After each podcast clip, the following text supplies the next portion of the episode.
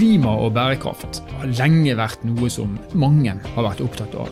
Men i 2019 så skjedde det et slags skifte, fordi at klimaendringene det var plutselig ikke lenger noe som bare opptok naturvitenskapen.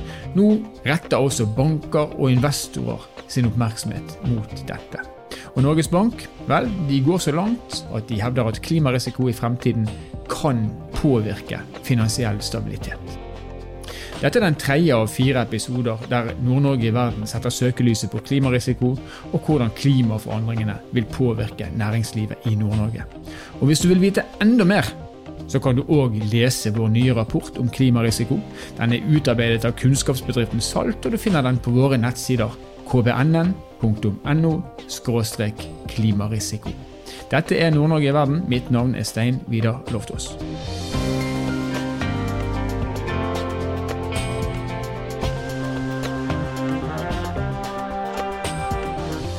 Climate change and the process of global warming could become one of the biggest risks to economic stability around the world, according to the Governor of the Bank of England. The combination of the weight of scientific evidence and the dynamics of the financial system suggest that in the fullness of time, climate change will threaten financial resilience and longer term prosperity. While there's still time to act, the window is finite and is closing. Så Mike Carney han var altså tidlig ute. Engelske sentralbanken altså for mer enn fire år siden påpekte de, de, de finansielle konsekvensene av klimaendringene. Og nå har vi med oss eh, Sindre Veme. Han er direktør for analyse og finansiell stabilitet i Norges Bank. Og Norges Bank de leverte i, eh, ja, det var på slutten av 2019 en rapport som for første gang pekte på at klimarisiko vil påvirke finansiell stabilitet også i Norge. Velkommen til oss, Sindre. Takk for det. Hvorfor mener Norges Bank at klimarisiko vil påvirke finansiell stabilitet?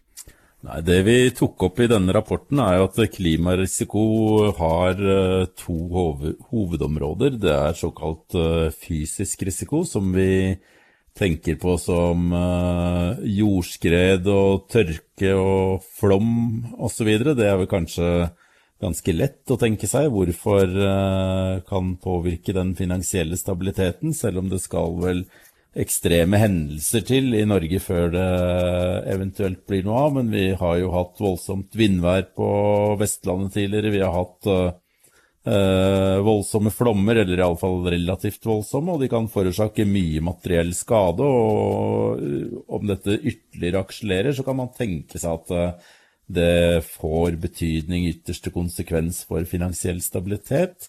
Kanskje da først og fremst uh, som følge av at forsikringspremier kan øke på enkelte uh, områder, og kanskje man enkelte steder ikke vil kunne få forsikring i det hele tatt. Men den andre risikoen som vi peker enda klarere på, det er uh, det som blir kalt for overgangsrisiko, og det er den risikoen samfunnet eller det finansielle systemet tar eller blir utsatt for når man går over eh, fra et system til et annet. Og med klima så tenker man jo da spesielt på at uh, du går over fra fossile energikilder til gjenvinnbare energikilder.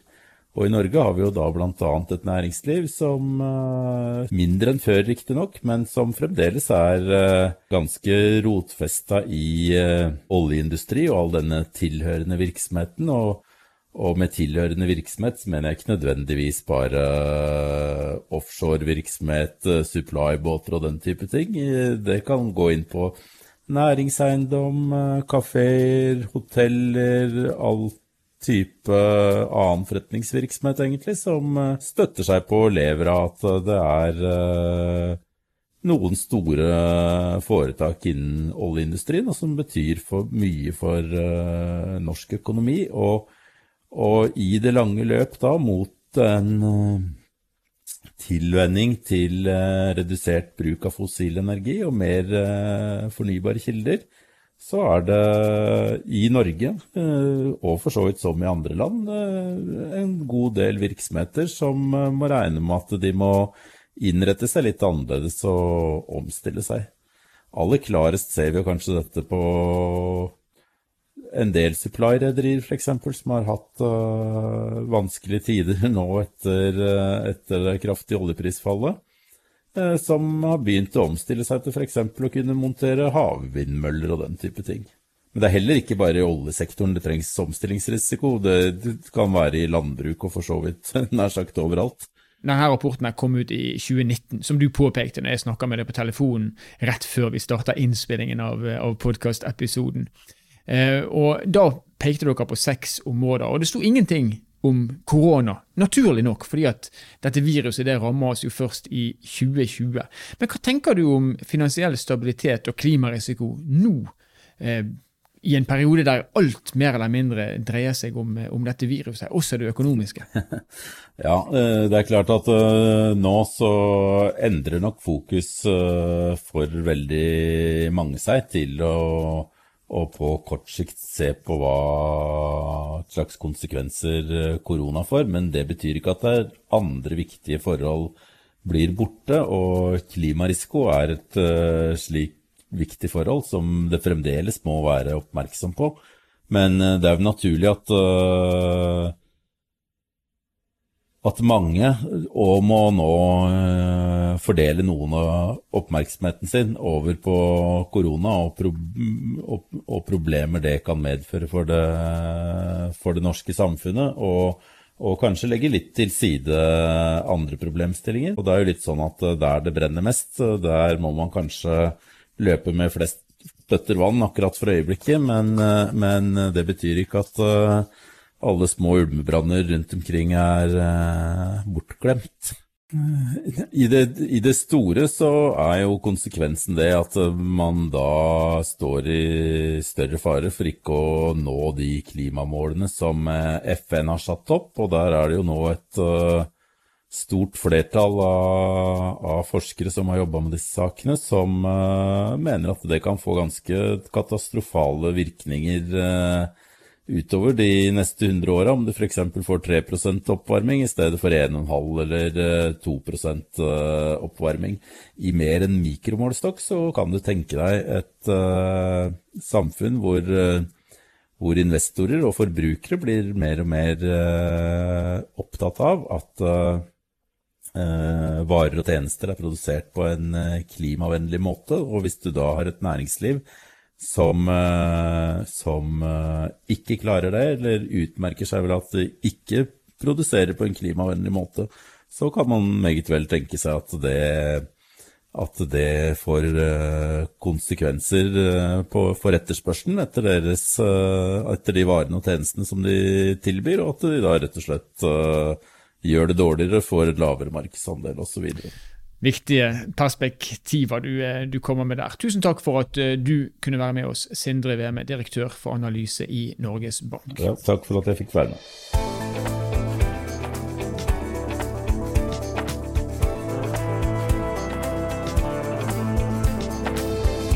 Vi kan altså forvente en strammere klimapolitikk. Vi kan forvente endrede krav og forventninger både fra samfunnet og fra forbrukerne. Eh, og vi kan forvente økonomiske tap som, som en konsekvens av at klimaet endrer seg. Og Så hører vi Sindre Vemi fra Norges Bank si at eh, Norges Bank har forventninger til hvordan bankvesenet skal agere oppi dette her risikobildet. Og Nå har vi med oss Liv Ulriksen, og Liv hun er konsernsjef i Sparebank1 Nord-Norge. Velkommen til oss, Liv. Takk for det. Hvordan forbereder Sparebanken Nord-Norge seg på det som har med klimarisiko å gjøre? Vi forsøker å gjøre flere ting. Akkurat nå vil jeg si at vi lærer. Vi prøver å sette oss inn i hva betyr klimarisiko. Hva betyr det for vårt interne liv, og hva betyr det for våre omgivelser, altså våre kunder, og for eh, Nord-Norge?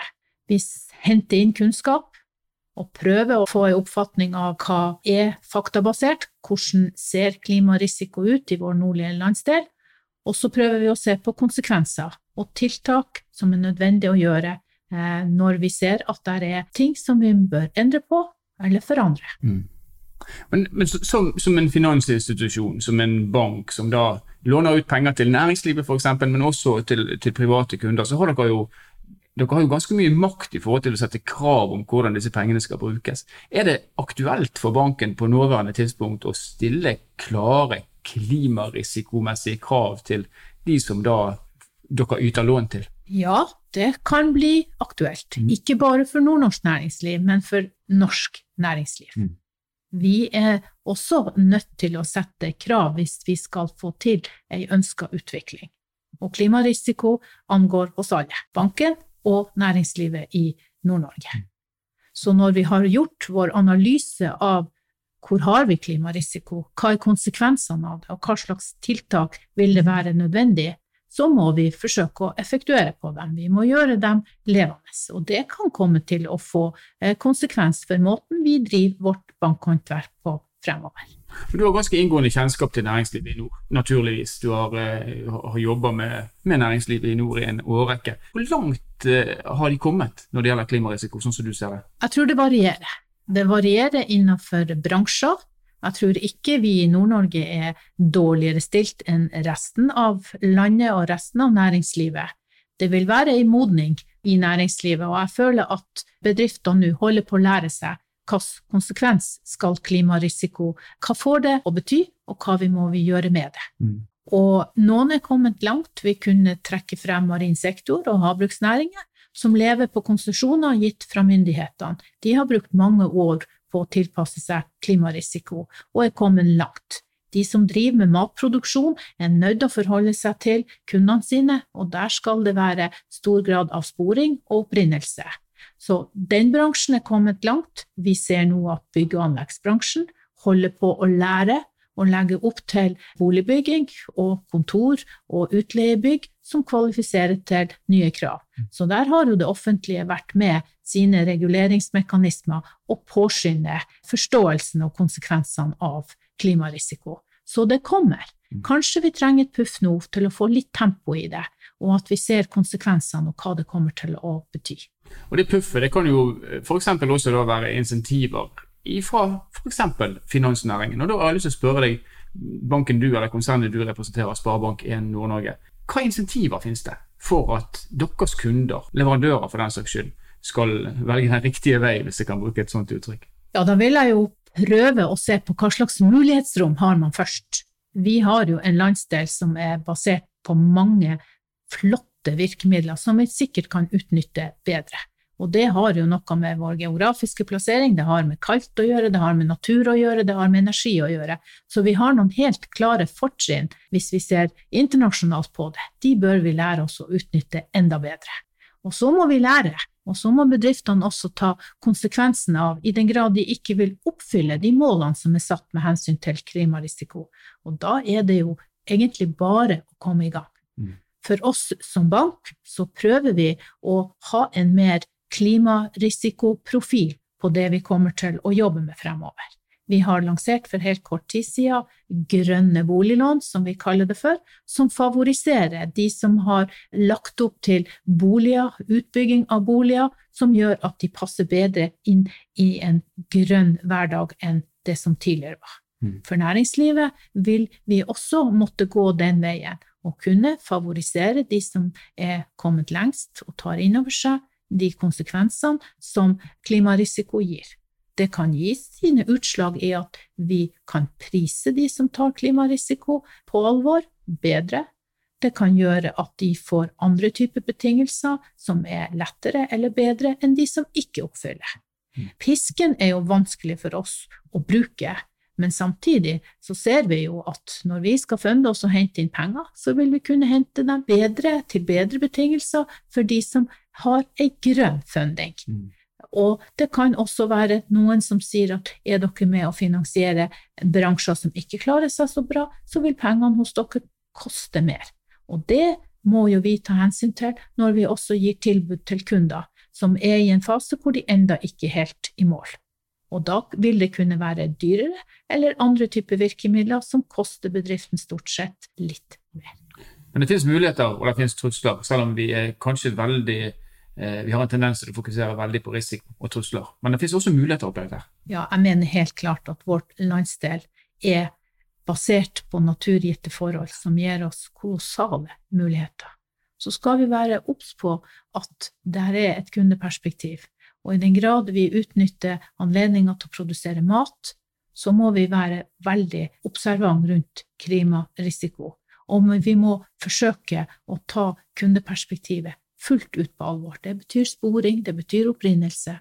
for de som skal bo i Nord-Norge, hvor det også er kaldt, men det er jo eh, også noe som kan gjøres til en fordel. Vi må finne energi og bruke den energien som vi har i Nord-Norge mye av, på også en klimaeffektiv måte.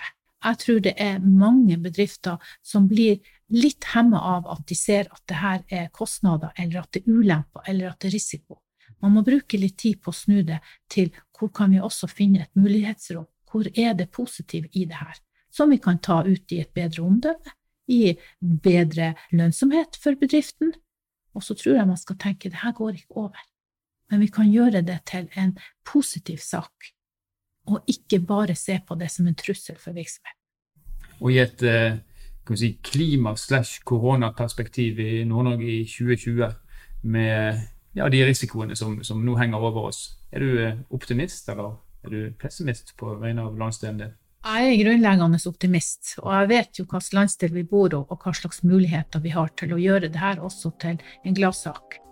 Det som jeg kanskje merker fordi at vi har gått en, en vei i egen bedrift, det er at vi kanskje har vært litt passive litt for lenge. Vi må bli interessert i dette området også, for det kan være en mulighet like mye som en trussel. Tusen takk skal du ha, Liv Ulriksen, konsernsjef i Sparebank1 Nord-Norge.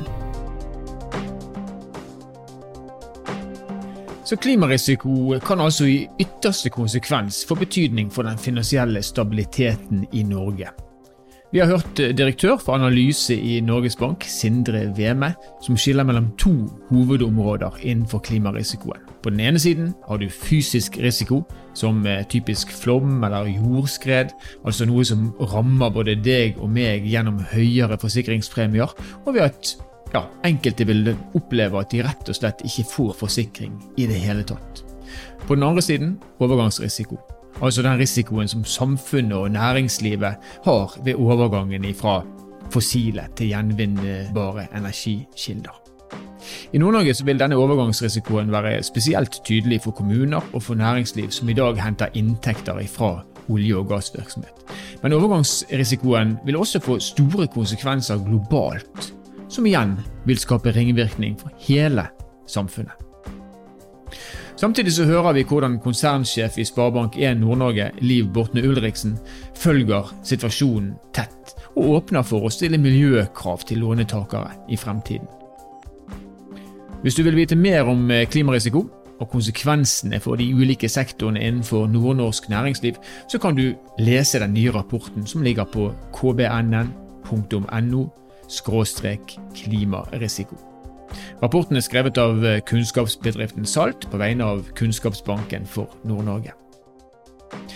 Nord-Norge i verden er en podkastserie som er produsert av Sparebank1 Nord-Norge i samarbeid med Helt Digital.